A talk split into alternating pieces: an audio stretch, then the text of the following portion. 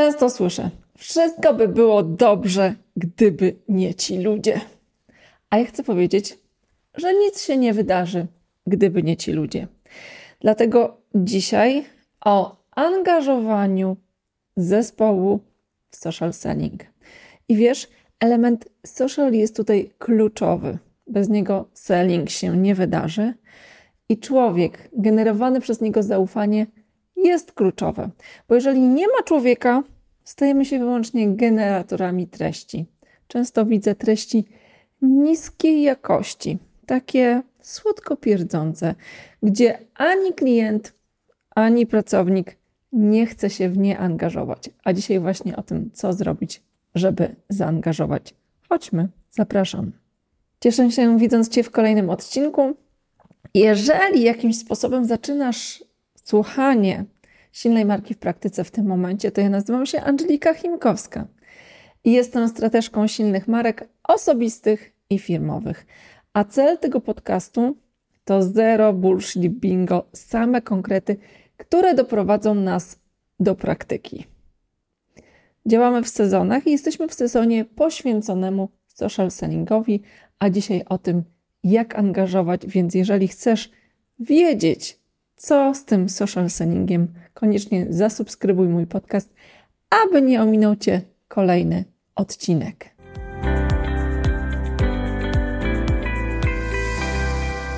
Zanim zacznę rozmawiać i mówić Ci o sposobach, chciałabym zwrócić na trzy ważne rzeczy, aspekty, o których się nie mówi. I pierwszy z nich ja nazwałam efektem księżyca.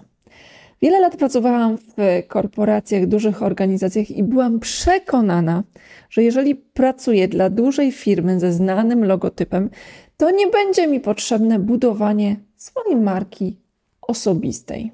Więcej, myślę, że dałabym sobie rękę obciąć za to, że to nie będzie konieczne i dzisiaj byłabym bez ręki. Na szczęście kawy mogę się napić, ręce mam, bo zmieniłam zdanie.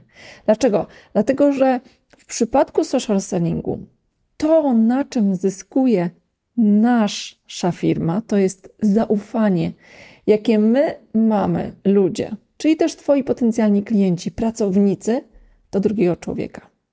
Nie tak bardzo ufamy logotypom i firmom, które są gdzieś za siedmioma górami i za siedmioma wieżowcami. Dlaczego nazwałam to efektem księżyca? Dlatego, że tak jak robimy sobie zdjęcia ze słynnymi ludźmi i my jesteśmy księżycem, ta osoba jest słońcem, to przy słynnej osobie robimy się bardziej świecący, nabieramy blasku. Tak samo jest w przypadku dużej znanej firmy, dla której pracujemy. Jestem zupełnie inaczej postrzegana jako pracownik ze znanym logotypem.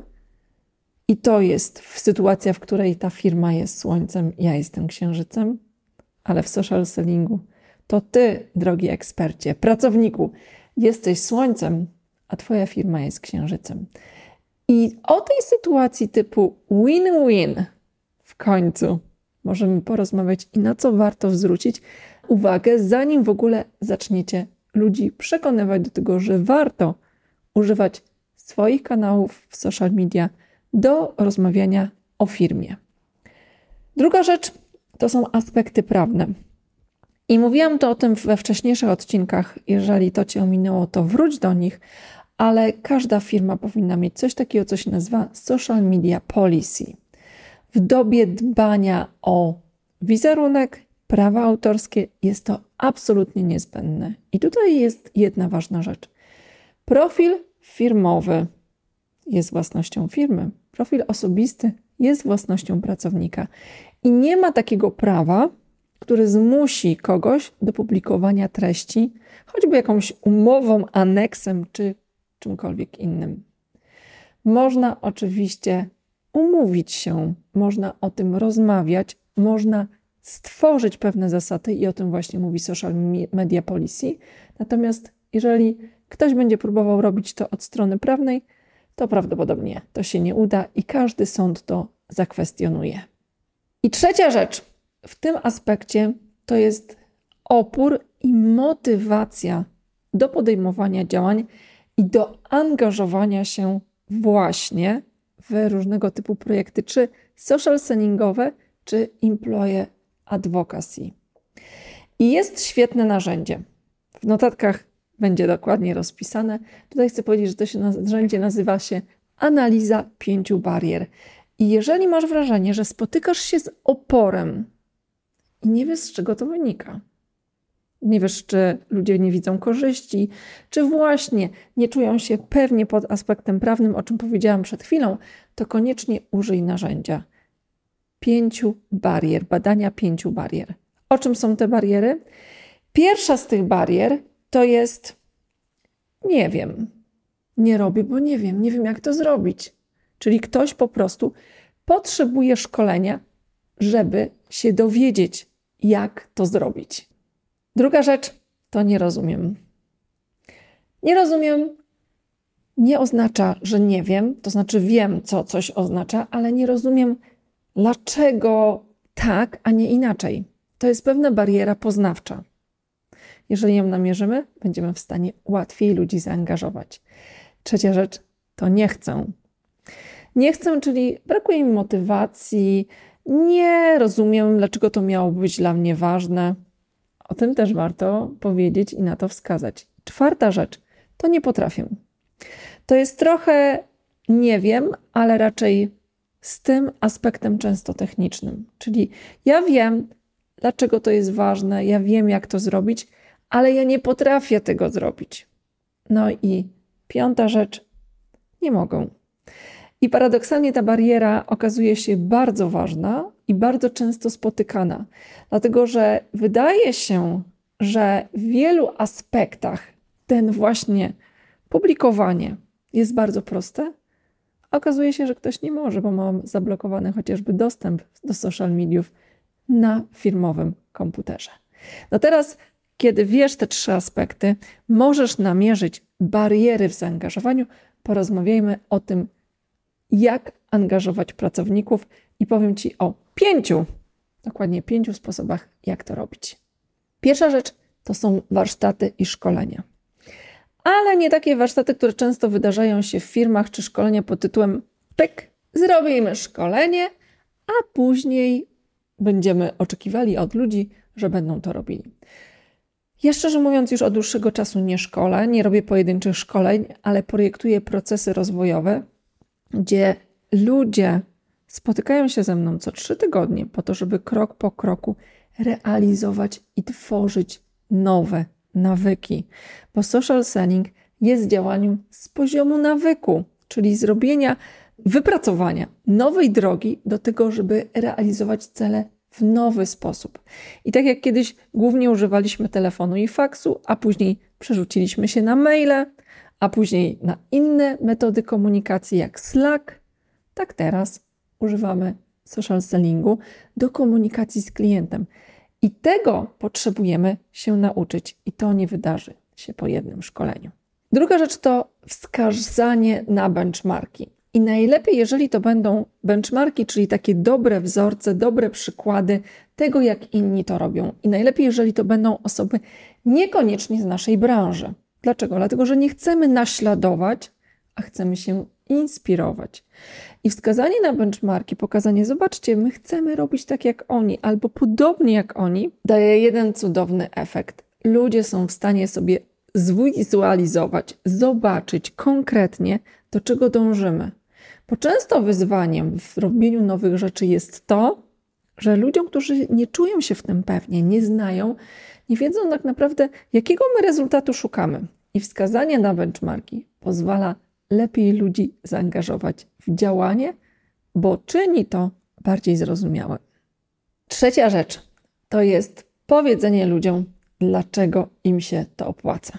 I w notatkach do tego odcinku pokażę Wyniki badań, które jasno wskazują, dlaczego Tobie, pracowniku, opłaca się takie rzeczy robić, dlaczego to jest ważne dla Ciebie. Ale dla mnie takie top 3 to jest to, że po pierwsze, budujemy swoją pozycję w branży jako eksperta, jako osobę zaangażowaną z pasją, która pracuje i pokazuje to, co robi. Druga rzecz, to, że pokazuje, to często powoduje, że nawiązujemy nowe relacje, jesteśmy na bieżąco z newsami branży. I trzecia rzecz to owocuje tym, że jesteśmy angażowani w nowe projekty. Po więcej argumentów sięgnij oczywiście do notatek do tego odcinka.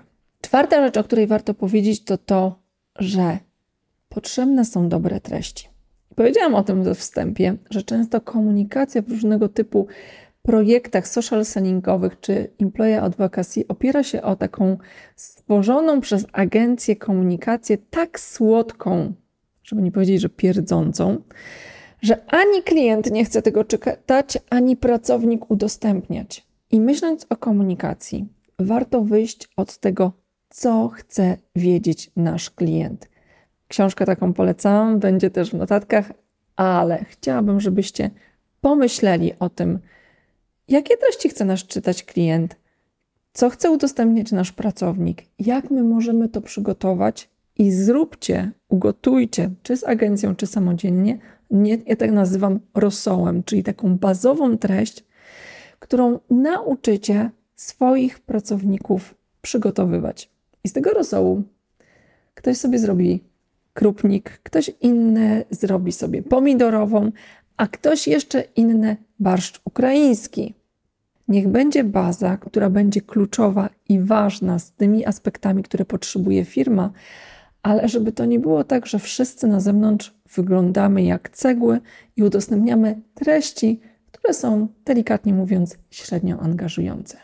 No i piąta rzecz: doceniaj i monitoruj wyniki, dlatego że nic tak nie motywuje jak rezultaty. Jak będziemy widzieli, że posuwamy się do przodu, to to da power do kolejnych działań. I tutaj jest jeden ważny aspekt. Doceniaj, nagradzaj i chcę powiedzieć, że nie znam dobrych wdrożeń social sellingu, gdzie na którymś etapie nie będzie potrzebna akcja z nagrodami, z dodatkowymi benefitami, po to właśnie, żeby tą motywację i zaangażowanie wzmocnić. Jeżeli ten temat Cię zaciekawił, to chcę powiedzieć, że w podcaście Silna Marka w Praktyce, konkretnie w 58 odcinku, rozmawiam z Aleksandrą Babin, z którą realizowałam projekt dla GFK, w którym opowiadamy o tym, co robić, jak angażować, jak to w praktyce wyglądało u nich, więc więcej szczegółów możesz zobaczyć właśnie w tym odcinku podcastu.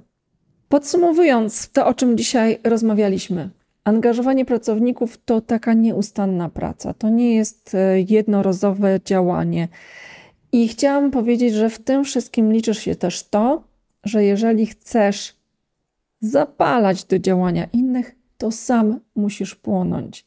To ty musisz być pewien, że to, co robicie, ma wartość, bo jeżeli to jest takie sobie i realizujesz tylko jakieś zlecenie, to prawdopodobnie inni w to się nie zaangażują. To już dzisiaj wszystko. Koniecznie zajrzyj do opisu tego odcinka, tam mnóstwo materiałów, wyników badań do zobaczenia u mnie na stronie i do przeczytania, a także przede wszystkim do wdrożenia wiedzy w czyny.